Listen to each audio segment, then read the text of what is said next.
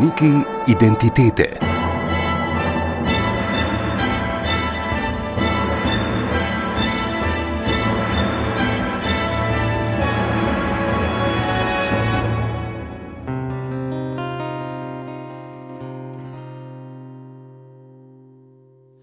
Čudom se reki, plava zeleni kot najdla je ta, saj je moč. Hara razklala je na poti saji, a mirna tekla teh suč. O mitih in legendah na Tolminskem bomo govorili v širšem pomenu besede Tolminsko in nikakor ne v luči sedanjih občinskih ureditev zato bomo pri tem zajemali zgodbe vsega zgornjega posočja. Sem uvrščamo poleg Tolmina in okolice še Baško grapo, spodnji del Idrijske doline, Kobariško ravnico, na zahodu vse do Benečije, na severu do Bovškega konca in seveda gore in uspetine, ki to območje obdajajo od Bogatina do Matajurja in Kolovrata na jugozahodu. Za to območje so značilne doline ob rekah, slikovite soteske s hudourniki, ki se zlivajo v Sočo, ter s precej strmimi bregovi, ki segajo v Sredogorje in še čez v alpski svet Krnskega pogorja in Julijskih Alp.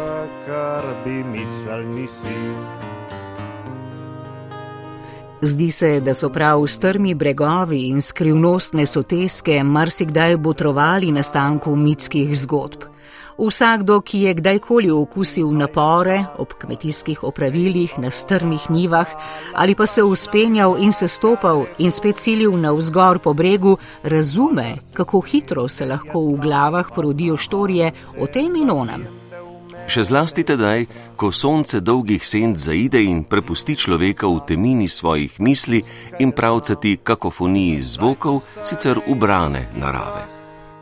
Ta naš svet ta čudežen svet, odpira mi duri, a vsakrat pa kaže mi kakšen nov cvet.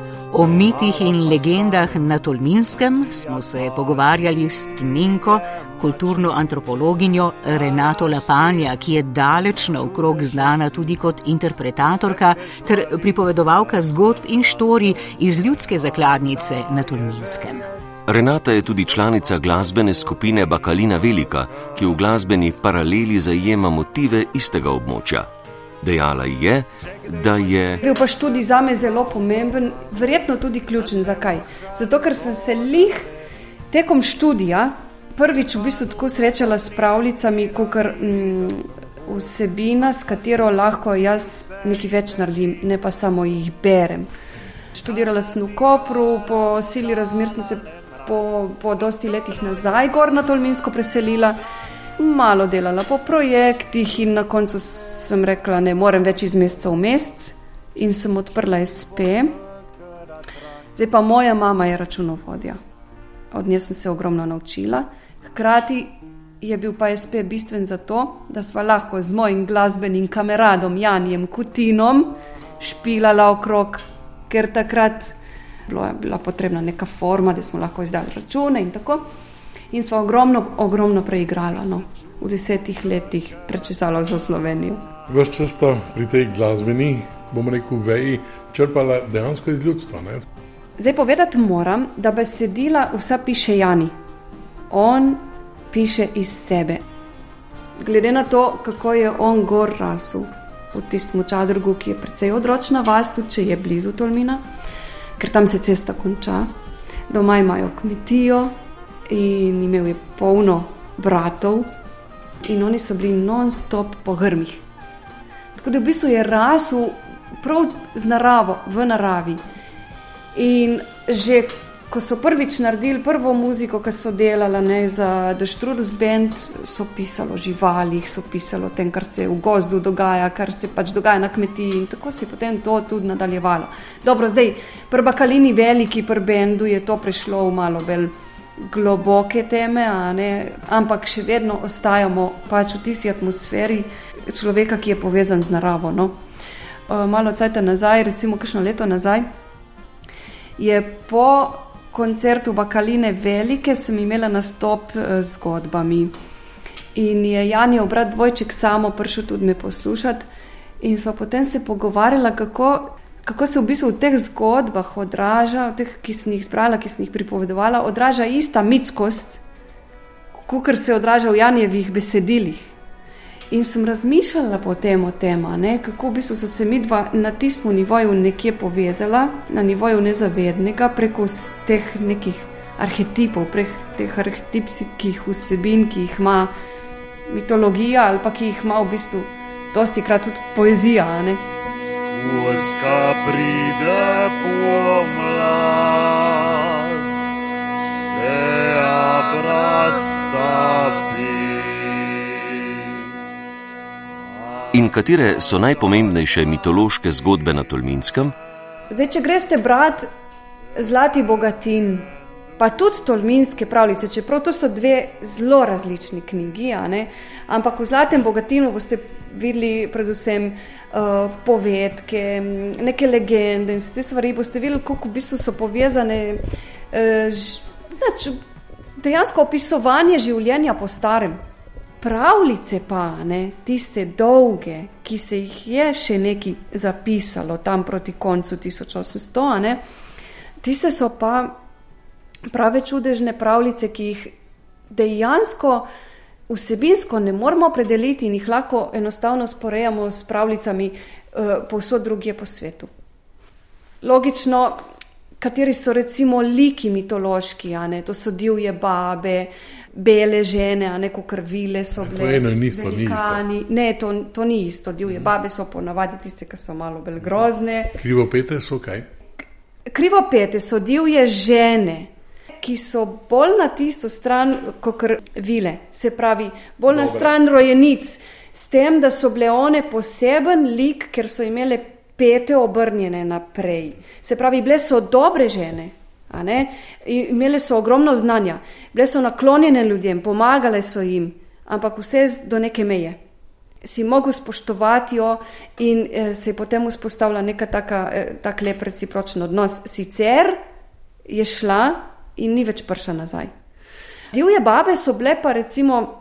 Poznanih je pohno štorijo te divje babe, ki je živela v, v Dantjevi jami, tam gor nad Hudičevim mostom, ko greš proti Čadrgu, a ne iz Tolmina. Tista divja baba, na primer, je ustavljala vsega, ki je šel tam mimo po cesti in je ukazala, da, da ji mora uši ven z lasa, ne eh, pobirati. Ne. In potem je rekel, če ne boš vseh pobral, alora ti bom dala in velik kos kruha s smrklom namazan, boš to pred mano pojedel. Takih štor je puhno, bila je divja baba, ne to je legenda recimo o tem, da je bilo na mostu na Soči, da je bilo še enkrat naravno jezero, ne, ne tako umetno zajezitveno kot zdaj. In da so ladje bile tam in da so bili tam pod ključem, kjer je tista stena, kjer je zdaj galerija, so bili privezi in so bile zlate rinke. In je enkrat prišla ta divja baba, se je ujezila, jaz pa s plevenico, se pravi z motiko, skopala, da je voda odtekla in tiste rinke zlate pobrala, jih je nesla. Potem, recimo, poleg teh so velikani, logično so, velikani na Matajurju, zelo lepa štorija. Potem so zmaji, um, dve legendi različni sta o tem, kdo je varoval zaklad v Bogatinu. A je bil to sto glavi zmaj ali sto glava ali več glava kača. Potem so razni škratje, uh, škratki gor v, uh, počk, uh, prš, v škrbini, a ne v gori škrbina varuje zaklad, uh, vedomci, uidanki, a ne so jim rekli. Tako da v bistvu uh, vsi tisti liki, ki so. Um, Mitološki, recimo, ki jih lahko usporejamo z liki drugje, sploh naprimer gor na gorenski strani, kjer so tudi gore, ali pa tudi na italijanski strani v nadiških dolinah. Vsi tisti liki, se pravi, imajo nekje še prednike ne, v tem starem virovanju. Recimo Belin. Ne, obstaja ena lepa zgodba o rožci belega mošca, gor zadnja krnom, ki je rasla. In varovajo je ta le beli možica. Ne, in se predvideva, da je bila to v bistvu neka, neka legenda o Belinu. Oba ti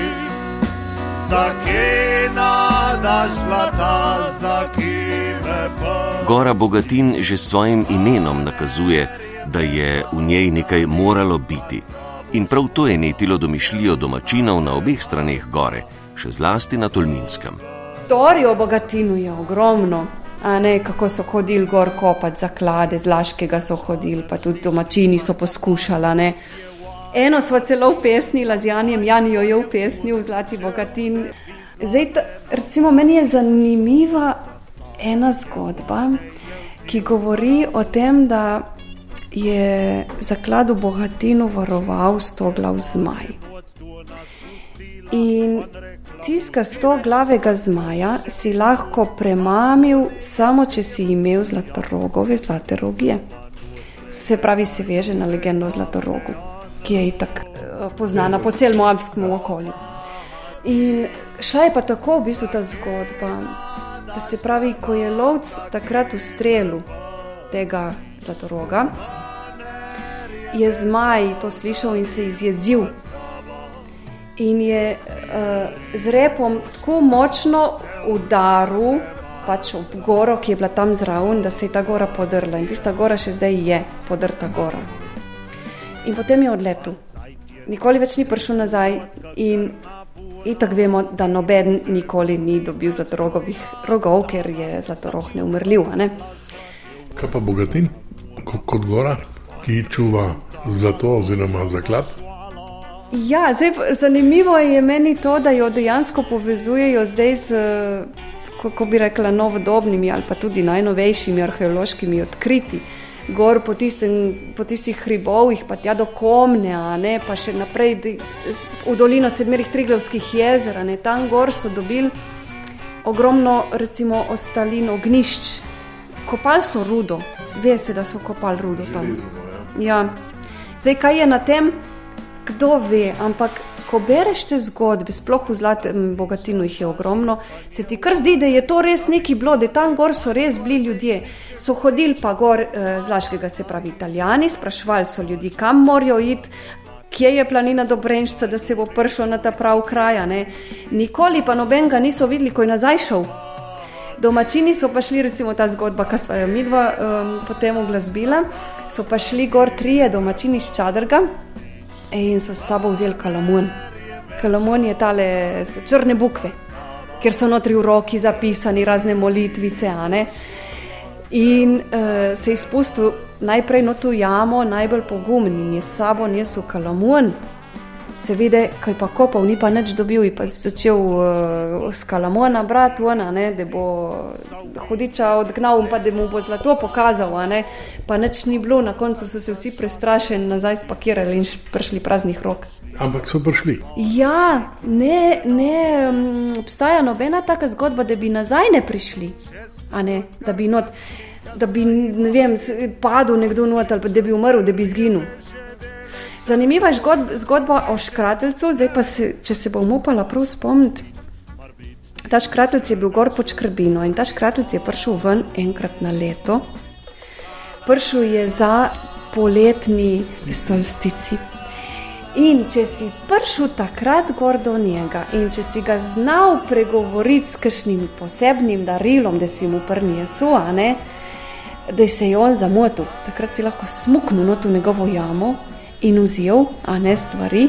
In potem s tistim tist, zakladom, ki je bil tam notri skrit, zbežal uh, domov. Ma noben mu ni to nikoli ratalo.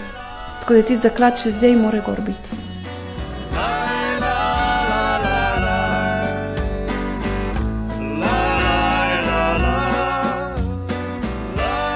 Oh, zelo lepa je ena pravljica ki je bila zapisana na temlinah, to je v Baški grabi.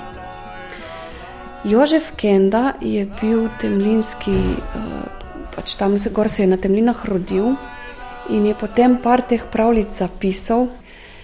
Andrej Gabršek iz Kobarida jih je zbral ogromno, tudi z kobariškega konca, hkrati je po svoje knjige, ki jih je izdal, vključil tudi od um, tega Jožefa Kenda, ki jih je pa bolj na temu koncu uh, Baška gra, pa še Tviška planota zapisovala. Ne?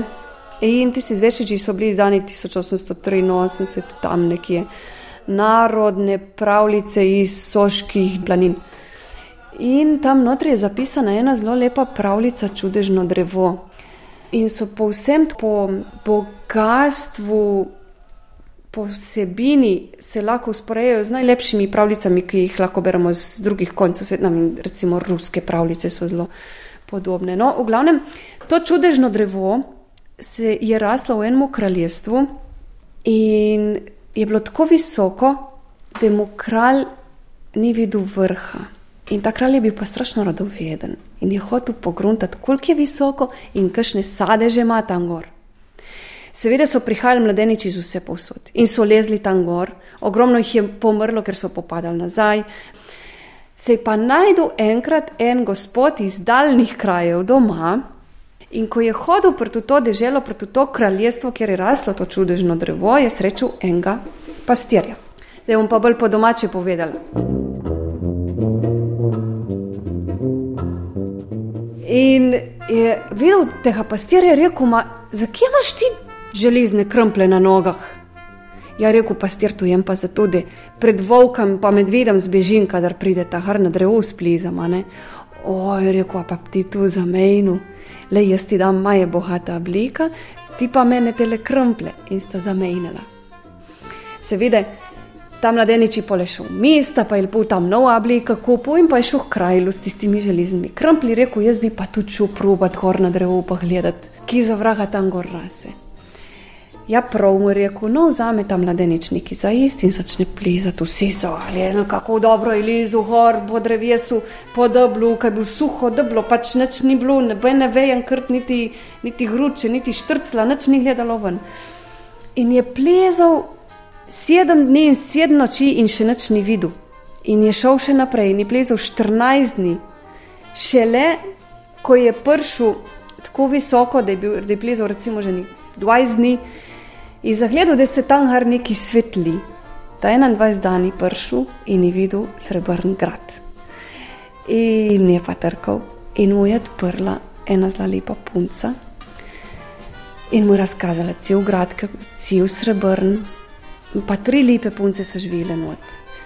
Pa so ga pogostile, samo dale večerje, pa spal je tam. Zjutraj mu je pa rekla, tista, ki mu je odprla, rekla, le, ti dam ta kruh, tako skruha in zdaj. Samo če ga boš polizal, že ne boš več čutil ne lakote, ne žeje. Moraš pa videti, da boš plezal zdaj še tretjine, da boš prišel do ta trojga gradu. Ti bo še lepši kot ta. Pa je šel in je plezal tretjine. In zagledal ta druga hrča, har se je svetilo še veliko, kar pa ta pravmo gradu, kaj je bil zlat. In notre so živele tudi lepe, še bolj lepe deklice, ki v ta pravmu, šestih je bilo. In so ga lehtko pogostile, lehtko samo daleko iz kruha in zjutraj so mu rekli, lej, da boš prišel do trečega gradu, boš plezal še dodatnih treh tednov, samo jemaš zdaj kos kruha, a bližka pa ne boš čutil ne več ne lakate, ne žeje. In šel je plezal naprej, res prišel do gradu iz samih dragih kamnov, iz draguljev, svetil se je bleščalo, da je komi gledal. A v njej odprla ena deklica, ki je imela zlate lasje. Tam noter je živelo devet, čeč devet punc in so ga lahko pogostile, lahko so mu dale kos kruha. Zjutraj mu je pa ta le s zlatimi lasmi rekla: Na vrh boš plezal, še dvakrat pa tri tedne. Ko boš prišel, har boš videl. Na desni strani so trije sadeži, na levi dva. Težkar je ti dam, a driž tiste tri, ki so na desni. Buhvarde, a drižiš tistega dva na levi. Zato, ker se bo cela drevo z nami in pa z gradovi urjet v trenutku pa greznila. In pa je rekla, ne s tiste tri sadeže nazaj dal, pa na benmu jih napakaš, pa na benmu napave, ki zvidu. Jutra pa ti smo, ko boš dal pršu, ab svitu, se pa stav pa te na cesta, ta glavna, ki gre mimo gradu, in boš videl zdaljave, kako proti tebi šviga ena svetleča se kočija.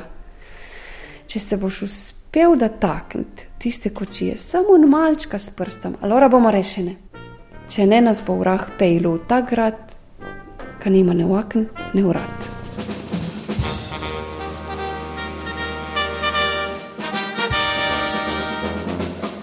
Seveda, šel je har in da bil tiste tri sadeže, jih je odrezal, je šel nazaj dal, skril, ni nič pa videl, tudi kraj lune, ki jih videl. In čakal druga jutra ob svitu. Zdaj pa ti stusa, ne, ti stusi bil tako, in tako švignu, kot ring, kot strila. Vazuhaj sam hudič, pa tri zlate kaj ne jemo upriježene, pa zlata kočija. Noč so bile pa vseh teh 12 deklic. Ne, 12, koliko jih je bilo? 9, 12, 18. In ni, ni se mogel dotakniti, ni mu ratala. Alora so bile deklice zapeljane v ta grad, ka njemu ne vakn, ne urad. Šuh krajlu, mu je dal tri sadeže, mu je povedal, ki se je zgodila in rekel, jaz grem jaz kot ta grad. In je šel na pot. In je blodu cel mesec skozi gosti hadu, preko je na jaz zagledal en dan, stara na pol padrta koča. Pa trka tam not, mu odpre sončeva mama. Pa mu pravi, veš, boš da greš to, ker prije sonce nazaj, da mol lete boš gala, da ne bo ostalo nič več od tebe. Je pa lepo govoril, je pa videl, jaz sem ta grad brez vakn in brez urad. Ja, rekla, viš, jaz pa res ne vem, že duha cajta nisem sjala te pa svetu, a ne. Lej, to te pa skrijem pod stopnice in ko bo prišel sin, da moga bom probala pregovoriti. Prije sin, da bo sonce se razjezi, voham človeški duh, ki je zdaj tu, kdo je to, koga skrivaš. Ga je pa mama uspela pomiriti in je rekla, je rekel sonce, ja, lej, jaz ne pa sejem na vsak kotičk tega sveta, biti bo pa luna videla. Alora je druga jutra šel mladenič naprej in je hadil duha cajta spet jeskov, jeskov, jeskov in je prišel na zadnje, da ne pa dobne stare koče, samo še mabel padrte. Pa trka je bila notre lunina mama. Jo je rekla, boš da greš to, bo hvarče te za voha, lejka, ka bo samo kanc stava, bo pa tebe. Pa je spet prepričal. Pa prije luna, pa praša lune in reka, lej, tudi jaz na pa sejem vsak kotičk tega sveta, bo pa aden sigurno videl. Bejš po glavarju vetrov, pa ne ga praši. In druga jutra gre naprej in je še duha cajta hado in res pršu, da ne koče, kot reživu po glavar vetrov. Higar je rekel, Zdaj ni pa nobenega vetra, da ima, kako ne jih jaz sprašujem. Jaz, jaz, jaz ne grem kamor več, jaz sem to doma, ne kontroliram. Ne? Pa, le, pa čaka za žvižga, na, na, na posebno piščal in prpihajo vsi vetrovi z vseh smeri. Le adni manjkov. Čez ne tri ure je prekrijel so, čatnal se je bil neč udaru in na njih bil tisti, kaj videl, kot je grad brez okn in brez vrat in pa naredil poglavar vetrov na skrinja iz pravo not tega mladeniča in je nesu tega gradu. Zdaj sta pa kul vratu letila, pa jeskala kot se dalo not pritane. Je bila pa na vrh strihe, na mičke, na mičke, na luknca. Zdaj mladenič v ne pa čakal, veter je pa nočil, je pa notre zagledal vse te deklice, vse zakljete, vse mrtve, razen tiste z zlatimi lasmi. In hudiča in hudičeva mama. In je ta prvi zgrabil hudiča. In je rekel, pa vej mi, kod imaš tista tekočina, skira až vim te deklice. Jo rekel, jaz, jaz nisem nič kriv, jaz nič navim. Alora, ga je zgrabil in ga je trišču, har v strop, da se je kodrila tista luknjica prej naredila cela jama izgrabil še mame od hudiča, rekel: Tako bom naredil stava, kakor sem z Nemčem napaviš. Rekla: Veš, ki te umarajna, veš pa gledata, ne? tam boš videl in na posebna tekočina, vzem vsak, vsaki punci pale na kapljica na tačno to usta. No, pa je pa tiste kapljice dal vsaki deklici in sažvile in je na vas vse v kup skrinja mladeniča in te čeče in pejlu teh krajlu. Zdaj pa lepa ni bilo tako, ne, da bi se mladenič a ženu s kraljeva hči, kakor je bilo obljubljena. In pa rajš čisto zlatimi lasmi vzel.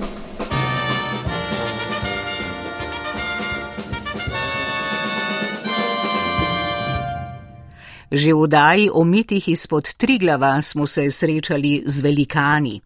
Podobne zgodbe o njih poznajo tudi drugot v gorskem svetu, morda tudi zato, ker so si ljudje želeli, da bi lahko kot velikani zlahka prestopali z gore na goro in se ne bi martrali kot tisti, ki stopajo na ukreber. Toda zgodba o velikanih na Tolminskem, natančneje na Kobariškem, ima veliko bolj čustveno plat, pravi Renata Lapanja. Pa če vam povem tisto od velikanov na Matajurju, Alora, v tistih cajtih, ki so gar pa naših hribih še živele divje žene in iz zakladu bogatinu varval sto glav zmaj, so na Matajurju živeli velikani. Za se imeli potangar, joj, tak razgled kine, le lačen so bili pa zmeri. In je bil spet en tistih dni, ki jih je pestila lakata, pa rečem velikan, pa bežma, bežma uloviti vsaj enega jelena. In so šli in so res enega ulovili, pravnga velika. Pa so ga nesli, gar na vrh Mata Jurja, gar so zakurili lajhen, se pa sedla kul in hadil pečt. Pa čez cajt tam lajš velikan zaslišen glas. Se azre, se ahledne, pa neč novit, neč peče je naprej, čaka je, čaka je, da bo tisti elen pečen, pa spet. In tih mi je v glasek. Pa ma boš pa gleda, a ne zagleda zron sebe na mičke na čečca, kaj jokala in jokala, jokala in prasila, dente me gar na oblaki rekla.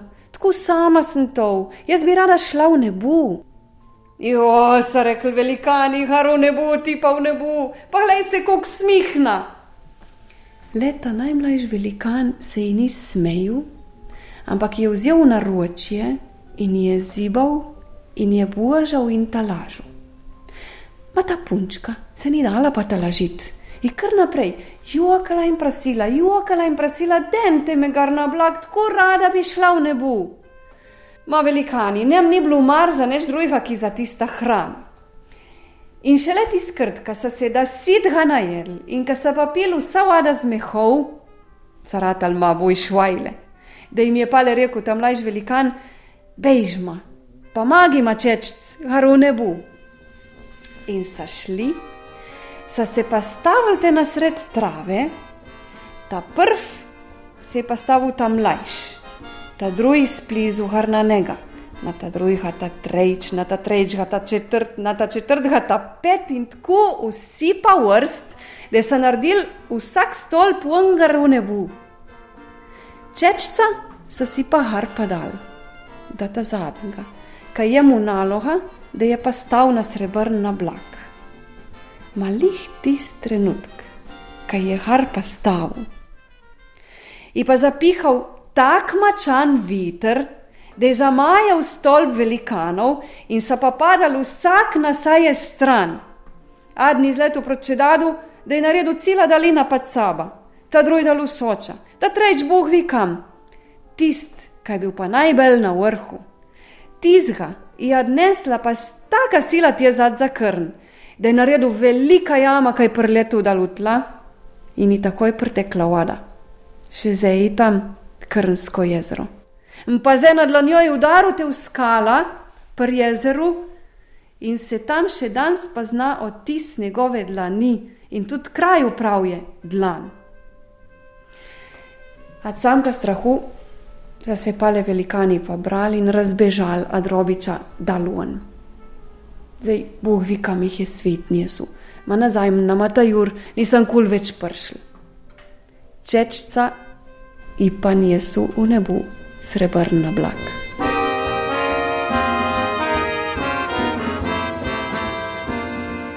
Da je Tolminsko zelo širok prostor in sega v več dolin, od Soške, Idrijske, Baške do Nadiške doline in povezuje ljudi in njihovo kulturno izročilo, potrjuje tudi zgodba o očetu, zapisana v Benečiji.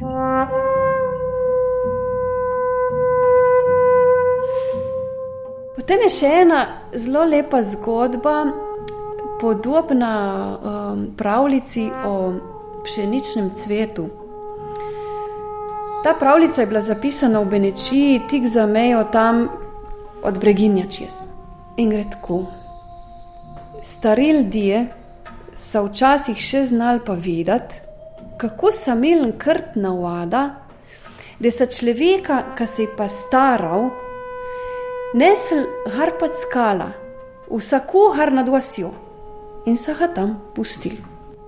Tudi za istmo ni beden več prnesu, kar pustil se ga tam.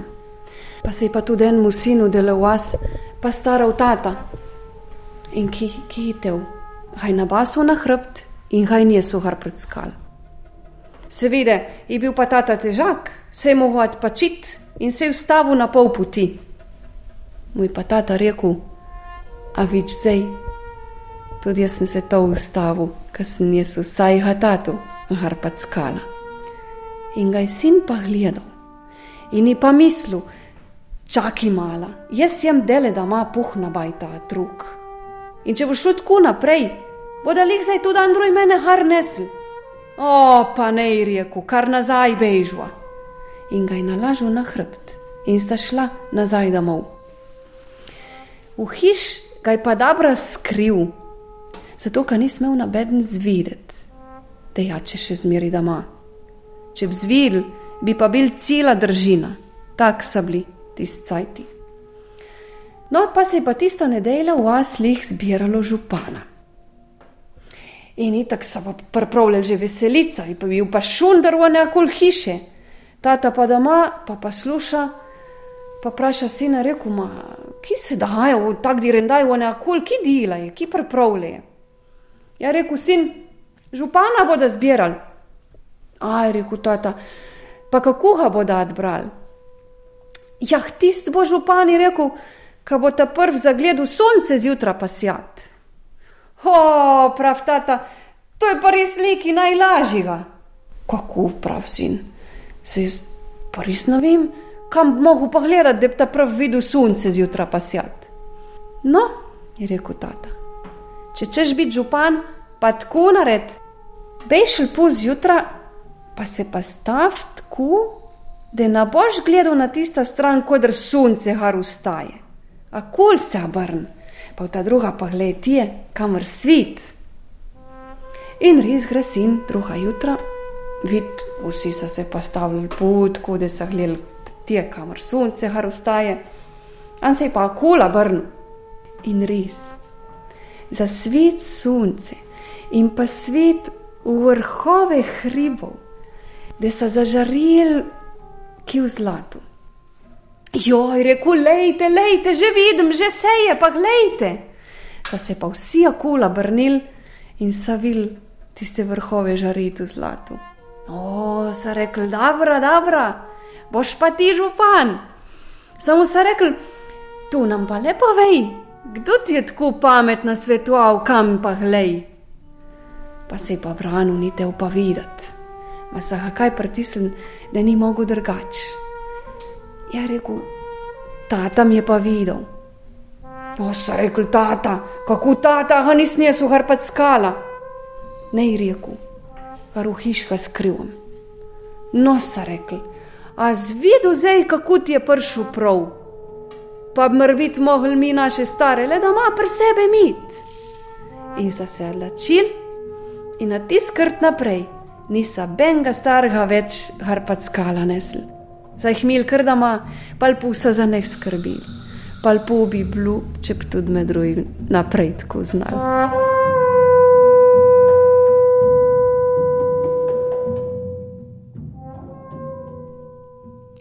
Tudi zgodba o Vogrinku in bolehni Juliji ima izrazito socialno noto in govori o tem, kako in koliko je vredna nesebična pomoč bolnemu otroku. Tudi za ceno samožrtvovanja, pravi Renata Lapanja. Gar za krnam, gar nam špičast skal, rase ad pamti veka, rožca bijuga mošca.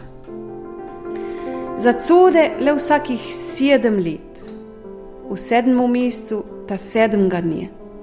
In kap cude, le ena drobna sime naredi. tistmu, ka ta sime, da bi in je pa ji, se ni treba bati na bene valizn, tudi najhujših ne. Če pa že jema kišna, bo pa takrat, ko bo sime pa jedu, takoj, a zdravil. Samo, kako zdaj prid da tiste rožce, da tizga semena, če pa vi za nule star vogrink, kazna naga že v hrabu staji. In kar je še hujš, leta in leta čaka na tale sime, že ogromno ljudi. Ma kdo zvi za ki, se je vogrink tista leta odlačil, da bo rožca pa jeskal in sime mali Juliji prnesu. Mala Julija je imela na taka balezen, da je ležala doma vsak dan bolj drobna in vsak dan bolj blida. Pa noben zdravnik ni znal pomagati, noben in ni znal niti pa videti, ki ji fali. No, kaj je prišel ta sedem mesec in se je bližal ta sedem dan, Ivo Grink pripravil vse, kar je nucu za pot, za haru skale, haru krn. Še prej, ki je sonce vstala, je šel na pot. Ma da kar je šla taluan in pa padalin, mu je šlo dobro. Ka se je pa začela uspejnet in pa vrž, vrž vidu, da mu prmanjkuje mači. Jo je rekel, star sem, ne vem, če ne pr star za ta kapot. Pa je dal vse od sebe in je res priplizal, har na vrh krna, in pa obmahal. Ko se je druga jutra zbudil, je videl zrom sebe stati pilga mošca. Dolge nage jemu, pa mičke na otroška hlavca, na ni pa duha bila brada. Vem, je rekel v ogrinku, za kistov. Rožca imaje, se ti je tudi prnesel. Samo tu moraš obljubiti, da boš za zmeri pr mene ostal in za zmeri pr mene, kakor bil hlapc delal. Vogrink ni neč pa mišljal, moj kar vrša bljubu. Le še to ga je sprasil, da je mali Juliji sime njesu. Ka sa mali Juliji ličca spet prdečila, je šla vsa vesela in zdrava, da se bo v ogrinku zahvalila. Pa je da bila le prazna hiša stat. In na tiskrt naprej, ni noben več videl starega v ogrinka, in pa tudi drožce bil ga mošca ne.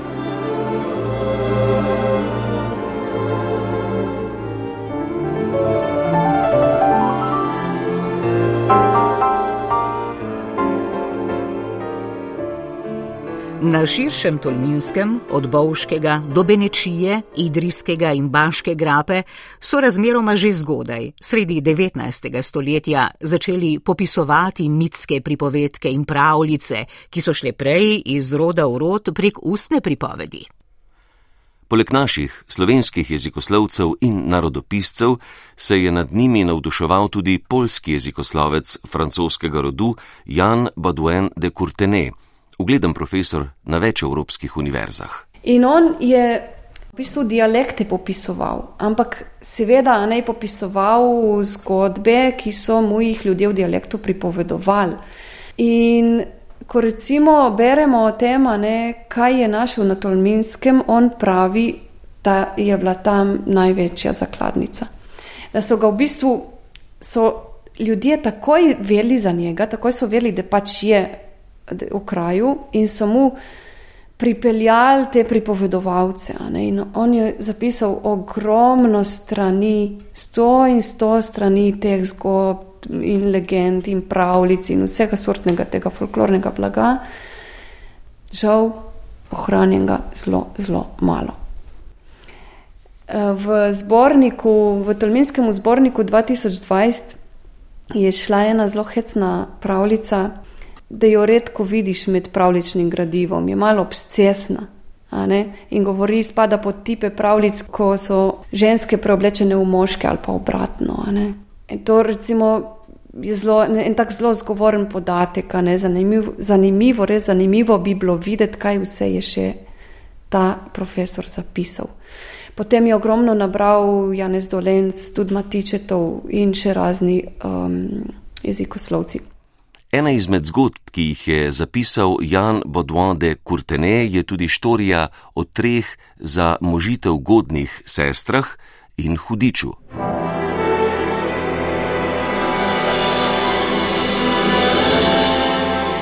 Je bil enkrat en tata, ki je imel tri hčere. Lih prav pridne, pa lih prav lepe, a lora lih prav hadne za ženit. In tata se je tega veselil, teče če pa neč. In minila na leta se ni več skadilo. In minila ta druga, na ben snupc ni pršel. In minila še adna, se je pa tata ujezil. In pa rekel, hudič, ne vas nese vse v kup. Hudič pa deleč sliš. Oj, rekel, dobro, dobro, bom šel pa brž padna. In se je uštimal. Ide v lep guant, pa fin klabuk, pa na večivle je bil abu in ni šel. Pride, pa trka na vrata, ta ta odpreven. Dober dan, prav hudič. Sem slišal, da imate tri hčere hadne za ženit, jaz pa jih žena ješčem, ab mi da vadna. Pa prav tata, ja, seveda, prav rad, prav rad, zdaj kjera pa bi. Oh, je rekel, tu pa ne vem, pa kar vi zberte. Ja, ben dobro je rekel tata, pa ne gre pa ta starejša prva od hiše, tista ne gre ta prva. In mu je dal, da je pejlu hudič. Pride ta hudič domov, pa prav lej, tako je pri mene doma. 13 copjema, 12 itajih, ta 13 imaje vseh 12 lahko pa gledaš, samo ta 13 premjeru pust. Pa še na jabka dam, glej, da ga nas gubiš, ka če ne pa tebe. Pa gre. Zdaj ta čeča pa sama hadila tam pa bajt, sobe v soba, gledala ena je bila lepški, ta druga, v en se je vel posvetila, ki v ta drugi, ni da ni bilo. Verižic, uhanov, lepih oblik, joj, rekla, kako je lepo in še sama ni videla, kdaj se je znašla pri ta zadnjih uratih. Je pa rada vidna sprmahala in pa prav malač krklna. Ani butnu, ajhnu, anu, da je odskačila, jabka je po tistem trenutku dal padla in je brez njega ostala. Pride zvečer hudič domov in kako je bilo, a se odprla, pa ni nič odgovorila, se je bala čija imaš jabka. In ni imela več ki skrivati. Je zgrabu, je zuliko čez cela hiša in je vrhu, no tu ajhen. No, je rekel, zdaj grem pa pa ta druga. Pa se je spet uštimu, zdaj še lepški prej in je šel. Pride pa trka, tata preven, hodič prav dober dan. Sem slišal, da imate dvih čir hadn za ženit kaj jaz pa jih ne veste, jaz če zdaj bi dal adna. In mu je dal ta druga, da je pejlu hodič za saba. Prijeta hodiču domov, pa te lahko lepa vi, reku, 13 sopjem, 12 ta jih, ta 13 imaje. Vse lahko pa gledaš samo v ta zadnane, pa še na jabka dam. Le varvo je hadeha nas gubiš. Pa gre. Zdaj ta lečeča gre, gleda z kamre v kamera, ena lepški, ta druga prijeda ta zadnjih urat, jo je rekla, pa se ni možno, da je bilo to vnotre, in se mora biti še, še lepš, kot vseh ta prejšnjih. Pa preurata, pa butne ajhnuen, a nas gubi jabka, na, pa je bila brez njega. Večer pride hudič, kako je, je imaš jabka? Joj, sem kuhala, viš, pa mi je pa noto šparget padla, mi je noč zgarila. Hej, rekel hudič, ti bom dal je šparget, boš videla zdaj. In ni je zgrabu, in ni je vrhu, tudi nuano tu ajhn.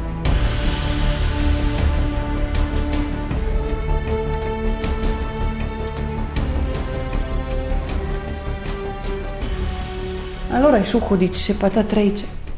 Sem slišal, da imate na lepa hčer, zdaj me ne bi kaj prav pršla, ne veste, jaz če imam je date. O, rekel tata, sami gospodje, kar krpelte je, krpelte. Pa je pejlu še ta trejče hodič. In je lahko lepa videl, 13 sopjem, v 12 lahko pa gledaš, ta 13 in kar nahlej, pa ta jabka dam, le glej, da ga ne zgubiš. In je šel. Pa seveda, Ana, tudi vse pa gledala, ne? in pa prišla do ta zadnjih urad, in pa ta prve uha prslanila. In je slišala, da je not neki crči, neki poka, reka, to je čudno, to je kot da bi garilo. Še ima pa slušala, pa reka, ma kot da je vaden kričal, le neč, ki je to unot. Pa da je na jabka te na stran, nadpre vrata, joj, prav krščen duš kot smo končali, tisto niso bili trije gospodje, tisto je bil sam hudičen, tu je pa peku. Pa hitra pa vliče v ta starejša sestra in je skrije in grete v kuhne in tuhta in natuhta. In je začela pečt. In je pekla, da je spekla puhna piškotov, pa hbance, pa kolačev, pa še kruh, vsega, da je bilo vsega puhna zvečer, kaj prišel hudič domov pa prav pa tisto gleda, Ana pa reče: Ja, veste, ki zdaj, kole sem mislila, ne to jemo, ome dva, kaj za ist, tata pa neč tam da ima za pa zob. Če mu lahko vi nijesu, kaš vam bom pripravila zjutraj. Pa priprav zjutraj, pa dene sestra notre, na vrh pa piškote nasuje. Reče hudič, a viš, pa neč nahlej notre. Zato, ker jaz sem za tebe daj spekla, da boš jemu prej in pale to vdoma, lej sem naštimala tam na mis. Prav reče hudič, pa grem. Je ne tiskaš na rame in gre. Hodnica je rečema, kaj še piš koti, tu je neki drugega to vnot, moram pa gledati. Sestra vnotre v kašu pa, te že vidim, te že vidim. Ej, šreko, kam je zdaj šla ta baba, da me vidi ven sem? In jih hadu naprej pa lihen ma se te ustaviti, je bil rad lačen, pa je že upila sestra, te že vidim, te že vidim, pa je mogel jeti naprej. Kaj cajta, da je prišel te domov, te da hiše, odlažil kaš in šel nazaj. Tata pride gledati ven, pa vidi, saj je ta starejši hčer prav, ma odkot se pa ti vzela, a se ni zblaženila. Hej, rekla, kab vi videl, komu, komu ste me dal, pr sammu hudiču smo končali, vse tri hudič. In pa ta mlajša sestra, pekla, pekla, da si bil hudič, že kar nam pa redil. Zdaj pa prišel in šel ti mimo, pa prav, a viš, ki lej, sigurno je tata že vse pa jedu, pa ka bo nijesu tišen kaš. In res hudič rekel, dobro, vem, pa bom pa nijesu. Pa viš, jaz te bom doma gledala, neč na jej, kar sem not nalažila. In in lažu kaš in šel. Ja, rekel, kakšen kruh to vnotre, more biti sami kamni. Se že če ustaviti, te že vidim, če že vidim. In kole naprej, da je prinesel še ta druga domov. Zdaj je pa sama stala. Reka je, kako naj se rešim. Je bilo najtežje, pa nahruntala. Je šel ti mimo, in druga napekla, in druga prasila hudiča, če bi nesu. In naštimala kaš, in pa lutka še razrov naredila, tako velika, kot je bila Ana, in je vsa je cujna oblikla, pa teh peč pa stavila. Se je pa v kaš zbasala, na sebe s piškotem, pa kruh, pa kalače nasula, zjutraj hodič vstal, kaš zgrabo in jesu, in prnesu vnte domov, pride nazaj, prav žen tam prepeč, z njesu, pa ni bilo nobenega glasu od nje prav sem, sem lačen, a mene ni dala od sebe. Pa hrete hni, je pa zgrab, je strijese, pa vidi, da je pa tleh padla. Ej, šikljiv, da se je krkadila, in šel pa gledati v peku, pa vedno več ni videl, in lofu nazaj teh tatu domov. Ma, tam so bile pa vratam, pa vakna fajn zaprte. Pa sta žehna na uada je bila hiša pa škrapljena, kul na kul, da hodič ni mogel blizu. Aj, se je pa ujezil, in pa v kanton cebnu, da je pol kantona odkrušil in pa šel. A ti skrt naprej, samil prhiš mir pred hodičem. Mahčere samile mir tudi pred sajim tatam. In se je zgodila tako, da so s cajtom, da bile vsaka ta sajga maža. Tu se pa naša pravca konča.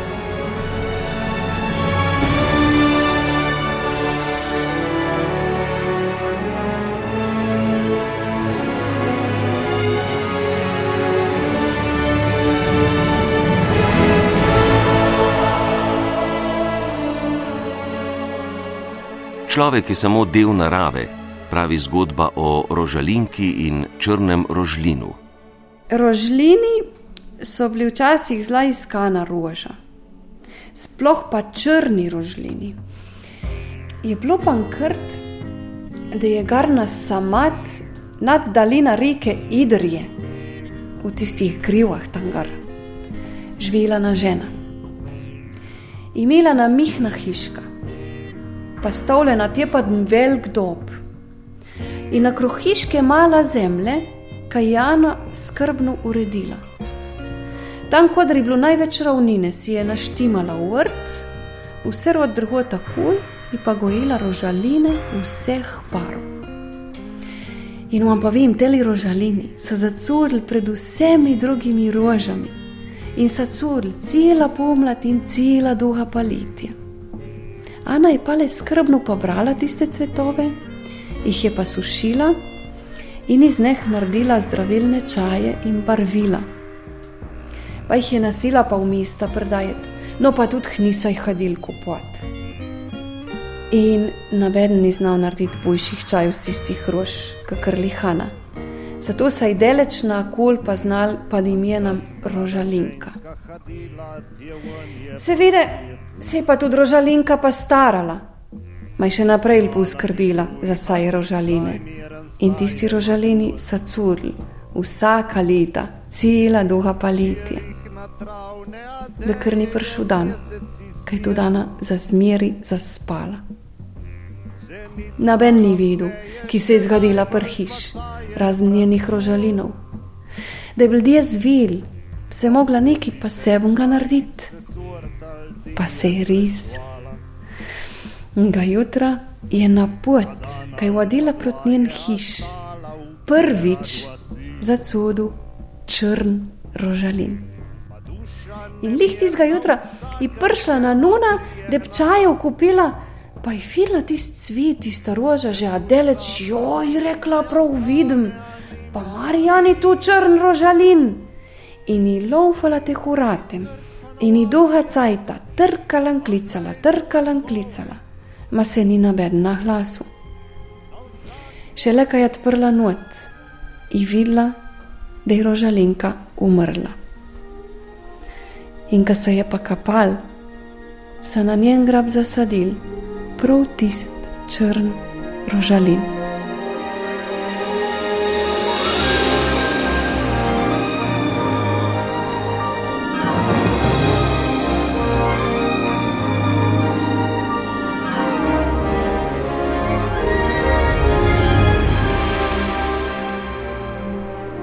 Bila oddaja Mejniki identitete o mitih in legendah na Tolminskem.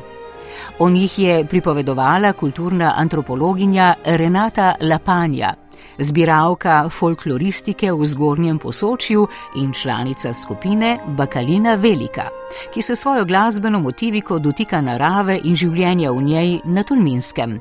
Zato smo glasbo za oddajo črpali tudi iz njihovega repertoarja. Oddajo sva povezovala Lidija Hartmann in Matjaš Romih, tonski mojster je bil Miha Klemenčič, avtor oddaje je Ivan Merljak. Lahko izpet prisluhnete prek spletnih strani radio televizije.